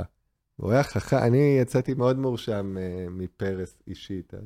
מי, מי עוד פגשת מראשי הממשלה? מי שפגשתי, תראה, אני צעיר בשביל uh, להכיר את הגדולים, אה, כן. זה. אבל בגלל שהייתי עיתונאי לפני, אז יצא לי, פגשתי את ביבי, או. כן? ופגשתי גם את שרון. או. ועם שרון נסעתי בקדילק שלו. אה, הוא קיווה להחשים את האינדיאנים, נכון? זה משהו דומה. זה מה שהוא היה אומר? הוא עשה לי תרגיל, קודם כל שרון היה, הוא הלך אז לאיזה כנס של עולים מרוסיה. כן. אני בא כזה כעיתונאי, כנס לא חשוב, וכנראה הכינו אותו לכנס אחר. הוא התחיל לדבר, ופתאום הוא קהל שהקהל הוא קהל אחר, ואז כשהוא נכנס לאוטו, אמר לעוזרים שלו, פעם הבאה, תגידו לי מול מי אני מדבר, אבל הוא תפקד יפה כשהוא קלט שהטעו אותו. ב', הוא עשה לי תרגיל שכל הפוליטיקאים עושים, הוא הוציא איזה משהו כמו של סקרים. הייתי ממש ילד אז, בחור צעיר ממש, הוא אומר לי, תגיד לי, אתה צעיר, אתה חכם, בוא ניתן לך משהו שרק לך אני יכול להראות. תגיד לי, מה אתה אומר צריך לעשות כשאלה... כן. בדיעבד אתה מבין שבטח הוא היה עושה לכל. אחד, כן. אבל באמת, הביטוי הזה שלו עם ה... זה הוא שאמר, נכון? עם הקדילק, אה, צריך להיות בקדילק כי זה מחשים את ה... לא. אה, זה לא הוא אמר את זה? הבן שלו, אני חושב, אמר. זה הבן שלו? כן. הזלזול הזה שיש לפעמים במנהיגים, בבוחרים שלהם, בקהלים ש... אז אני חושב שזה לא נכון. קודם כל אמר את זה הבן שלו, עמרי. כן. אני לא חושב שהם זה, דווקא ביבי אמר לי את זה פעם, שוב, שהייתי ממש, אתה יודע, 22, 3, כזה, לא מבין מהחיים, וחושב שמישהו באקדמיה הוא חכם, ומישהו פרופסור, הוא יודע, הוא, עולה על מישהו לא. היום אני לא חושב ככה, כן, יש הרבה אנשים חכמים באקדמיה, ויש הרבה מה ללמוד, אבל מכל מלמדיי השכלתי באמת. ואז שאלתי את נתניהו על uh, שאלה כזאת ילדותית, כמו, רגע, אבל רוב הפרופסורים שייכים לשמאל, איך אתה מסביר את זה וזה? והוא אמר שמרוב שהם קוראים ורואים וזה, הם מאבדים את השכל הישר. ולכן דווקא לך למישהו בשוק שמוכר אה, עגבניות, והוא יודע שאתה צריך למכור אה, אה, תשע עגבניות בשקל רווח במקום שמונה, ב... יש לו שכל ישר. ואני לא חושב שהם מזלזלים, אני חושב שהרבה פעמים זה הפוך. קח את הדוגמה עם הטליון של ביבי היום, שמדברים עליו. אני חושב שהליכודניקים האלה, שאמרו לישראל כץ, שים את הטליון, ואומרים, תשים את הטליון, מסתלבטים על הפוליטיקאים. זאת אומרת, אם אתה חושב על זה לעומק, מה שהם אומרים זה, תשמע, זה לא שאני חושב שהטליון נאמנות של ביבי זה כי אני מעריד, כי צריך טליון של ביבי, הם לא טיפשים. אומרים, כל השנים, כל התקופה הזאת עד הפריימריסט, אני רודף אחריך. עכשיו אתה רודף אחריי. בוא נסתלבט עליך קצת, שים טליון של ביבי אתה. כן. ואני חושב שיש הרבה חוכמה, אה, שבליכוד זה בעיקר, אני, אני, התקשורת נורא מת, באמת מת, מ, מ, מ, מציגה את זה על הקטע הפולקלוריסטי והבעייתי, וטליון, ואתה מעריץ וזה, ומפספסת שיש לליכודניקים כאילו איזה חוכמה. אני רוצה להגיד לך על. זה, אני, דיברנו לפני השידור על מנדלסון, מנדלסון כל הזמן דיבר על כך ש... אה, אני, אמנם הוא אומר, אני מעריץ פילוסופיה והספקולציה הפילוסופית המופשטת, אבל הדרך האמיתית לידע זה גמיינזין, common sense. עכשיו, אה, שכל בריא אומרים בעברית, או שכל ישר, אבל בגרמנית או באנגלית common, גמיין, זה שכל משותף. כן. אה, ובאמת זה דבר שהוא מאוד חשוב, זאת אומרת, הוא אומר, תראה את כל הפילוסופים הגדולים עם, עם הספקולציות הכי מחשימות והכי זה, ובסוף הם מגיעות לעמדות שאף אחד לא מחזיק בהן באמת. ובסוף, האדם הפשוט, יש לו איזושהי גישה הרבה יותר ישרה אה, לדברים. ואני אני מסכים איתך לגמרי, זאת אומרת ש... אה, אני אגיד לך משהו, אני, היה, פעם שידרו בטלוויזיה מישהו לקראת אחד מהבחירות בתוך הרצף הזה, והוא אמר, ותסלחו לי על הצרפתית, הוא אמר, אני יודע שנתניהו בן זונה, אבל אנחנו צריכים בן זונה כאן. כן, כן, ממשלה. עכשיו, כן. זה כאילו, יש בזה משהו שהוא לא מטומטם בכלל. זאת אומרת, אם אתה אומר, אני, אה, נתניהו הוא מקיאווליסט מוחלט, והוא באמת גאון בפוליטיקה של מקיאוולי, איך לשחק, איך לפלג, איך לעשות אחד נגד השני, איך להחליש את ה-. תשמור את האויבים שלך קרובים, כל החוקים של מקיאוולי באים לידי ביטוי. יכול להיות שנגיד הפירוק שהוא עשה לבני גנץ, כשאתה מסתכל, אתה אומר, טוב, יש אחד שמביא את הכאפות, יש אחד שחוטף את הכאפות, לנו, אנחנו צריכים אחד ש... אנחנו צריכים כריש, אנחנו צריכים אחד שמביא את הכאפות. אני חושב שהשאלה נהיית יותר מורכבת ברגע שהנסיך המקיאוולי, האינטרסים האישיים שלו כן. נהיים שונים מהאינטרסים הכלליים, ואולי אנחנו מגיעים לאיזשהו צומת כזה. אבל בואו באמת נחשוב על נתניהו, כי אני חושב שאחרי, אה, אה, אה, אה, עם כל הכבוד, אה, ברק ואולמרט ובנט, וגם סיפור נורא מעניין, ולפיד. אבל נתניהו הוא הגיבור של התקופה שלנו. בעד, נגד, זה הראש הממשלה, אם אנחנו עושים סדרה, בן גוריון, בגין, רבין, פרס, נתניהו זה האיש. כן. מה, מה, אתה, אתה, מה, מה סוד ההצלחה? זה גאונות פוליטית? זה כריזמה? זה זה שהוא, אתה יודע, צעד אחד קדימה מבחינה טכנולוגית, הראשון שמבין את הרשתות, הראשון שמבין את הטלוויזיה יותר מכולם, הראשון... מה, מה, מה קורה שם? כן. תשמע, זו שאלה טובה. יש עכשיו ספר שיוצא ב... של המכון הישראלי לדמוקרטיה, ויש לי פרק על אה, ביבי, ואני חושב שכש...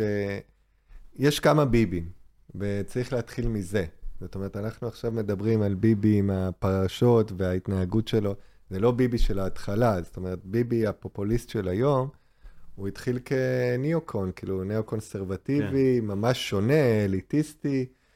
אה, סוד ההצלחה, קודם כל, אני חושב, ברמה מסוימת, לו ביבי היה בא היום לישראל, כשהעולם פתוח, והישראלים מטיילים, וכל אחד כאילו יכול להיות בניו יורק ולחזור וזה, זה היה שונה משנות ה-80, שביבי כאילו בא האיש הגדול מאמריקה. אגב, גם כשבגין התמנה כמפקד האצ"ל, אחת הסיבות הייתה שהוא בא מפולין ויודע שפות, והוא לא מעורב בבלגנים שהיו בארץ ישראל. זאת אומרת, הוא הגיע מאמריקה בשנות ה-80, כשאמריקה היא מעין מודל כזה.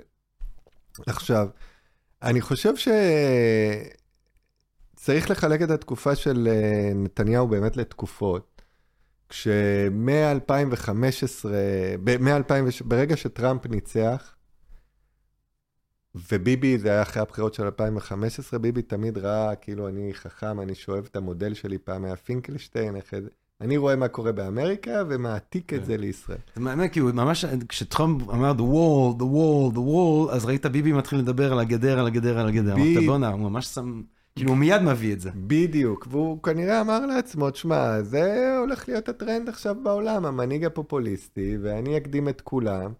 וזה ניכר למשל אפילו בחוק הלאום. אתה יודע שביבי עיכב את חוק הלאום, הוא היה נגד לפני 2016, ואחרי הבחירות האלו פתאום דחף לו. זאת אומרת, הוא הבין שחוק הלאום זה לא טוב, והבין גם שעכשיו אולי צריך להיות פופוליסט ולעשות אותו. אני חושב שאחד אז אחד הדברים זה ההשפעה של טראמפ, הוא ראה במודל. דבר שני, ביבי מאוד מושפע מזה, אתה יודע, היום השמאל כל הזמן אומר, וואלה, ביבי, זה לא ימי בגין, זה לא הליכוד של בגין, מה שהם מפספסים, וזה נכון. אין שונה בקטע הזה בין בגין לביבי. מה שהם מפספסים, שהדור הצעיר של הימין, גם הוא כבר לא רואה בבגין מודל. כן. זאת אומרת... גם לא מכיר אותו. לא, לא מכיר אותו, ואלה שמכירים אותו זה כמו ארז תדמור, שהוא בחור חכם, שכתב את הספר למה אתה מצביע ימין ומקבל שמאל, שמאשימים את בגין. זאת אומרת, אתה אומר להם, אתם לא בגיניסטים כבר, אז הימין הזה, והדור הצעיר, שזה הבן של ביבי, כאילו, הם ימין יותר פופוליסטי, זה ימין שהתחנך על הפיגועים בשנות 2000, כן? ולא על כתבי ז'בוטינסקי. כן. אז ביבי הושפע מהם. ואני חושב שבאיזשהו מקום, מה שאמרת בהתחלה, אם צריך פה מנהיג שהוא בן זונה, כן? קודם כל זה נכון, זה נכון. אה, אם היה עכשיו מישהו שצריך לשמור עלינו פה, והיית אומר לי, תשמע, זה, זה בחור נחמד וכל השכונה הזאת סוערת, והיית אומר לי, אבל מצד שני יש לי איזה מישהו שהוא יותר ארס, והוא ישמור פה, והוא... אני לך, בוא ניקח אותו, כן? אה, אני חושב שהוא מניפולטיבי גם, ואני חושב שיש בעיקר זרמים של עומק. אני חושב שהעניין הזה של, אה, אתה יודע, כשאתה רואה היום את לפיד, למשל מול ביבי, אתה יכול להגיד שלפיד מביא ערכים, אם אתה חושב ככה, יותר טובים, או אין ספק שבהתנהלות האישית יותר טוב. אבל אתה מסתכל לעומק, אתה יכול להגיד, שמע, לפיד ממנה בדיוק את האנשים מהשבט שלו, וביבי ממנה אנשים משבט אחר. ובמובן הזה, ביבי מאוד ממשיך את המהפכה של, של בגין. אם אצל בגין זה היה קצב, כאילו בסוף התברר כאדם בעייתי, אבל הוא פתח את השורות לקצב ול... אה, שכחתי את השמות, ההוא מיבנה, מאיר שטרית, ופתח למזרחים צעירים ומוכשרים, כן? מה שהמערך לא נתן אז. ואני חושב שביבי בחוכמתו, כאילו לא סתם יש עכשיו אה, בישראל איזה תהליך בעשורים האחרונים של התמזרחות, לפחות תרבותית, בתרבות הפופולרית, מוזיקה, אוכל, דיבור, תראה, גנץ פעם הוציא הודעה רשמית, מה שאתם אומרים עליי זה חרטא. ממתי מנהיג כן. היה מוציא, ו- והוא משחק על הגל הזה של לתת מזרחיות קצת יותר, וגם הסיבה המרכזית, זה כאילו המסקנה מהמאמר שהוא כתבתי לספר הזה. תשמע, השנים של ביבי היו למדינה, ובגדול, שנים טובות למדינה. כאילו, אני חושב שהוא מבזבז בשנים הטובות הרבה אשראי שהיית יכול לשנות את המדינה כדי להבטיח גם את העתיד. אבל בשנים הספציפיות שהוא היה, כלכלה די שגשגה, אה, הישראלים חיו יותר טוב, מצב ביטחוני, לא היה לך מלחמה. אפילו כשיש משהו עם עזה, הוא נורא נזהר לא לסכן חיילים ולהיכנס יבשתי. שלום עם מדינות המפרץ, שזה היה צריך להיות התמורה לשלום עם אש"ף, שבסוף יהיה שלום עם העולם. כן. וואלה, מבחינה, אה, אתה יודע, גשמית, למה לא להצביע לו? אם אני עושה אה, אה, אה, קלקולציה, שיקול רק רציונלי, ולא אכפת לי מי האיש ומי זה, מה אני צריך את ברק, שהבטיח שלום, אבל הביא לי אינתיפאדה. לא שהוא אשם, כאילו בשיקול הפשוט. בא לי בן אדם, מביא ביטחון, מביא שגשוג יחסית כלכלי. העולם היה, אתה יודע, היה את כל המשבר הכלכלי, והאביב הערבי, כל האזור הזה, כאילו, קורה- וישראל אה, שורדת. כן, ויש לנו, אתה יודע, זה גם משהו שאומר אמ, ה- ה- מקיאוולי בעניין הזה של האינטרס, כאילו, אה, אם אתה לא בשלטון, אז אה, קל, הוא אומר מקיאוולי, אה, להחליף את השלטון בזה שאתה מוכר לאנשים תקווה לעתיד יותר טוב, אבל אם אתה בשלטון, תזכור ששינוי קטן מוביל, כל שינוי קטן מוביל לשינויים נוספים. ויש איזשהו עניין עם סטטוס קוו, אני חושב שגם מאפיין את המצב החרדתי הלאומי שאנחנו נמצאים בו באיזשהו אופן. כי אתה אומר, אה, אני- אני חושב שיש פה תחושה, יש פה איזו חרדה בנוגע לעצם הקיום שלנו, שהיא כל כך גדולה, שעצם זה שזה מחזיק מעמד, והוא זה שזה מחזיק מעמד, תראה, זאת אומרת, התחושה הייתה כשביבי הפסיק להיות אה, אה, ראש ממשלה, שאולי... אולי בעוד יומיים המדינה נעלמת, אולי הכל הולך לקרוס. זאת אומרת, הוא, אני חושב שהוא מאוד טוב בלשחק על זה, של, אתה יודע, זה מחזיק מעמד, לא ברור, לא מובן מאליו שזה יחזיק מעמד, וזה מחזיק מעמד איטי. אז לא להזיז, בלי שינויים, אבל מצד שני, ברגע שהסטטוס קוו זה תמיד אשליה, כי המציאות משתנה, הדמוגרפיה משתנה. וזה שאין תעוזה היסטורית גדולה כזאת, לס... לסגור את הגבולות של המדינה הזאת לכך או לכך, או לחשוב על איזשהו מהלך כאילו לעשרות שנים הקרובות, עם השאלה הפלסטינית שהיא מודחקת לחלוטין, זה, זה אסון. ממש, כאילו, אבסולוטלי, כאילו, כן. אתה צודק, אני אגנוב לך את ההבחנה הזאת, כי היא כל כך נכונה. אני חושב שהעובדה, הבעיה איתו, שהוא באמת לא הלך לפתור בעיות שהן יצוצו בעתיד, כאילו, בעיות שאתה מזניח אותן שהן קטנות, הפלסטינים יצוצו, כן? אם אתה לא, אם אתה רק נותן, אתה לא מאזן את החברה, בסוף היא תיקרע. אבל בשנים שהוא היה, הוא נתן תחושה של יציבות. כן. אין לך את זה. ובמקום כמו ישראל, שהפחד הקיומי הוא שהדברים יתמוטטו, בדיוק מה שאמרת, אז ביבי פתאום אומר לך, שמע, מה אתה צריך אוסלו, בסוף גם יהיה פיגועים, מה אתה צריך שינוי פה, אני שומר על הקיים. Stick to what you know, boys. כן, ואז אתה אומר, וואלה, למה לא? עכשיו, אני רוצה עוד, עוד שתי שאלות. אני, כן. קודם כל, באמת, דיברנו על בגין ועל המהפך, ובמידה רבה מהפך גם אה, מזרחי, מרוקאי, אמרת בפחת.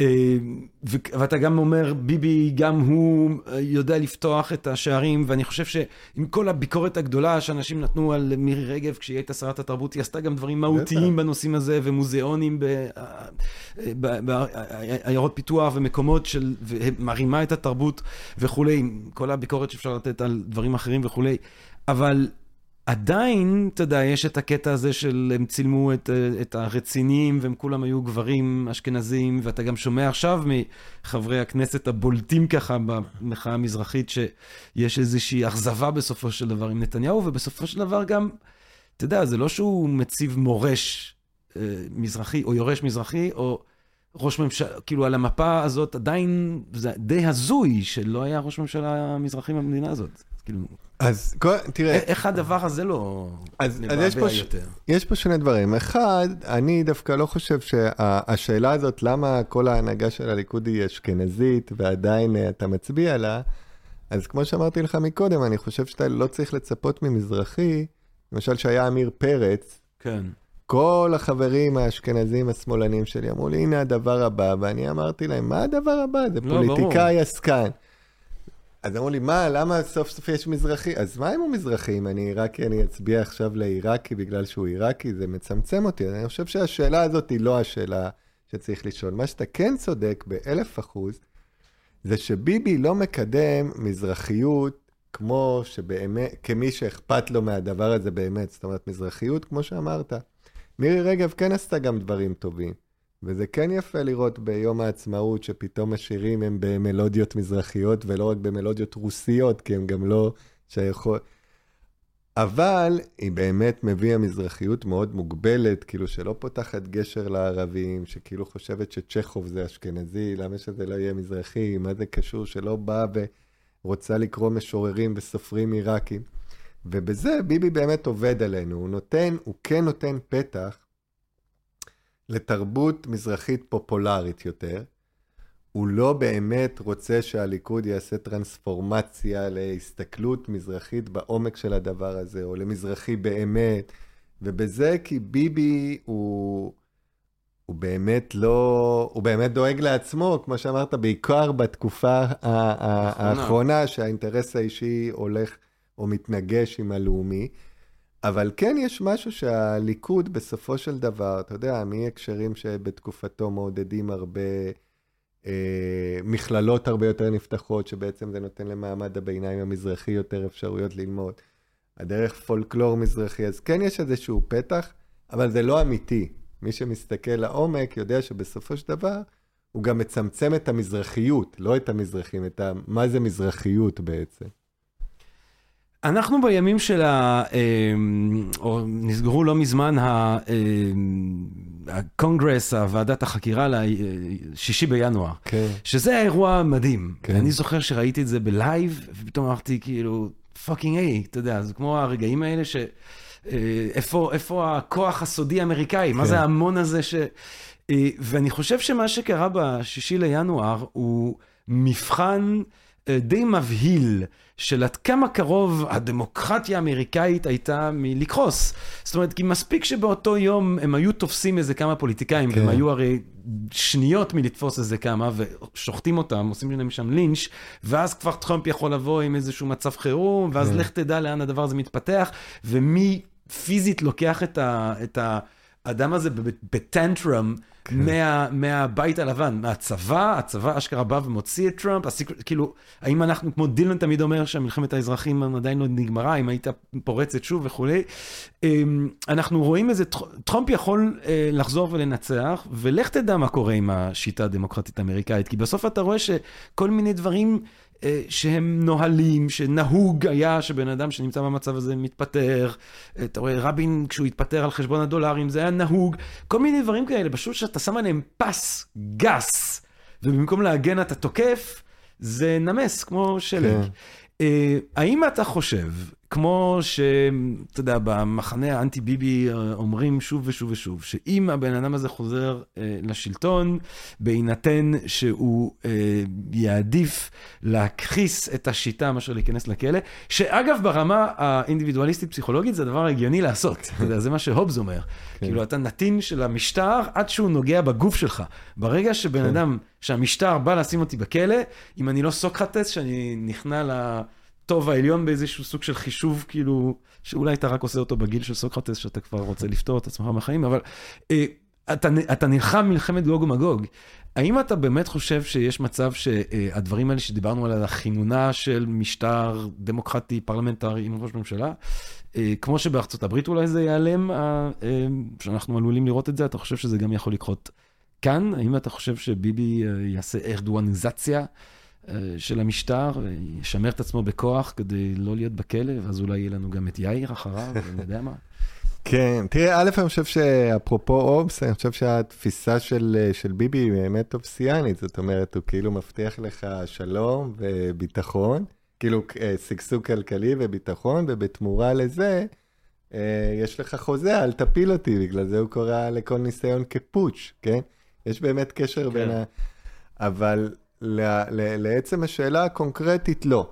אני חושב שביום, רוב הזמן הייתי בניו יורק, אז לא עקבתי אחד לאחד, אבל כשהוא הפסיד, כשהיה ברור שמקימים קואליציה אחרת, שאלו, איזה כתב שאל את uh, ביבי, מה הולך לקרות עכשיו? ואז הוא התעצבן ואמר לו, עכשיו? מהפכה, מה יכול לקרות? איזה מין שאלה טיפשית. אני כן חושב שיש קו מאוד מאוד מאוד ברור שביבי לא יחצה אותו. אני חושב שכאילו, אתה יודע, ארה"ב זה סיפור אחר, ישראל זה סיפור אחר, אין לך פה, אתה יודע, מה זה הצבא בישראל? זה אנחנו, כן? זה לא שיש איזה צבא שאתה... אה, מה זה, מה, אנחנו יותר מדי קרובים, ביבי לא יכול לתת הוראה, בואו מהיום, אין דמוקרטיה, וכאילו, הפקידים יקשיבו לו, כי זה לא ארדואן. ואני חושב שבמובן הזה, הטעות של הפוליטיקה הישראלית, כן? היא א', האמירה הזאת רק לא ביבי. אם היית אומר, תשמע, אני רוצה את הקואליציה הכי טובה לישראל, היית מצליח להחליף את ביבי בלי הרק לא ביבי הזה, כי היית יכול לקחת כמה חבר'ה מהליכוד וזה. אז האמירה הזאת שהתחילה עם ליברמן, אני ימין, אבל רק לא ביבי, תקעה את הפוליטיקה. אני חושב שהפחד מביבי מייצר גם את ההשתוללות של ביבי. זאת אומרת, תסתכל על זה מרחוק, נקי. וואלה, ראש ממשלה חזק, הוא היה כאילו אובייקטיבי. עומד למשפט, צריך לבוא כל יום למשפט, תופסים אותו על קטן ועל גדול, על כל דבר. אם המערכת תחליט, הוא יישב בכלא. זה לא דבר של מה בכך לאנשים חזקים, לא בד... זאת אומרת, המערכת מתפקדת. אני זוכר את זה עם היועץ המשפטי שאמרו, uh, מנדלבליט. הוא חלש והוא זה, ואני פעם אחת כתבתי, לא כי אני כזה חכם, כן, אלא פשוט אני מסתכל קצת לא מהפוזיציה. תשמעו, היועץ המשפטי מעמיד אותו למשפט. אז תנו לו החלטה כזאת כבדה לעשות אותה לאט, כי אתה צריך להתחשב, המשפט הרי תלוי בחברה, אתה לא יכול לא להתייחס בציבור. אז אני חושב שבגדול, ביבי נאמן לכללי המשחק במובן הכי, אתה יודע, המשפטני שלהם. אני יכול להיות ראש ממשלה כל עוד אני במשפט ולא בכלא, הוא עושה את זה. הוא לא ישבור את הכללים, כי אין לו עם מי לשבור את הכללים. ואני חושב שישראל יותר חזקה מביבי. ואני חושב שלו היינו קצת יותר רגועים כלפיו, אפשר היה גם להחליף אותו ביתר קלות. אתה יודע, אני חושב, אם נסיים עם אה, מקיאוולי, יש לו איזה טיפ כזה, הוא אומר, או שתלטף אנשים, okay. כן. או שתשמיד אותם, אבל אל תתן להם מכות שמהם הם יכולים לנקום. ואני חושב שזה בדיוק היה הבעיה של ביבי, ברמה הפוליטית, לא לחסל חס וחס פיזית, אבל הוא יצ... זאת אומרת, יש כל מיני אנשים שהוא היה צריך או ללטף אותם, או לחסל אותם פוליטית. אבל ברגע שנתת מכות שהם יכולים לנקום, קודם כל ליברמן. כן. ואז לסער, ובני uh, גנץ, ועוד ועוד ועוד, כרגע היא כבר, זה, זה, זה הראשית של, ה, של הברוך שהוא נמצא בו ברמה הפוליטית, אני חושב היום. גם מצידו, אתה צודק מאוד, כן? ואין ספק שהוא זה שהפיל את עצמו, כאילו, גם, אתה יודע, הדברים הם פסיכיים, הוא בן 72. כן. זאת תהיה הקדנציה האחרונה שלו בכל מקרה, כן? אה, נדיר. אה, לא בטוח. אני לא חושב, אני חושב שלחיים יש את הדינמיקה שלהם. אבל נגיד ואני טועה, אני לא, לא יכול... אני חושב שאין ספק שהוא הכניס את עצמו לכל הבלגן הזה במידה רבה, ולא עשה את זה עד הסוף. אבל גם מצד שני, כאילו, הוא מקבל המון מכות, אבל לא, אף אחד לא עוצר עד הסוף ואומר, אתה יודע מה, כאילו, בוא נלך איתך ונחתום הסכם שאתה לא מדבר על מערכת המשפט, ובזכות זה תהיה עוד שנה. כאילו, אין איזושהי באמת מחשבה יותר עמוקה על איך לסגור את העניין של ביבי. זה הפך להיות mm. משחק, וזה חבל, כי אנחנו סתם מבזבזים את האשראי של שנים טובות של ישראל. שמתבזבזות על המאבק הזה. מה אתה חושב, איזה טיפוסים שונים, חדשים אולי, יכולים להפציע, כאילו, באופקים הפוליטיים של ישראל? מה אתה חושב יהיה הטיפוס ה... מגיעים לרשות הממשלה ב-2020, 2030? כן. לא 20, אנחנו אחרי 2020. אה, נכון, אוי ואבוי. כן. 2030, 40. את הטעות אני מבין, כן. אה, תשמע, אני חושב, קודם כל, שצריך להיות מזרחי.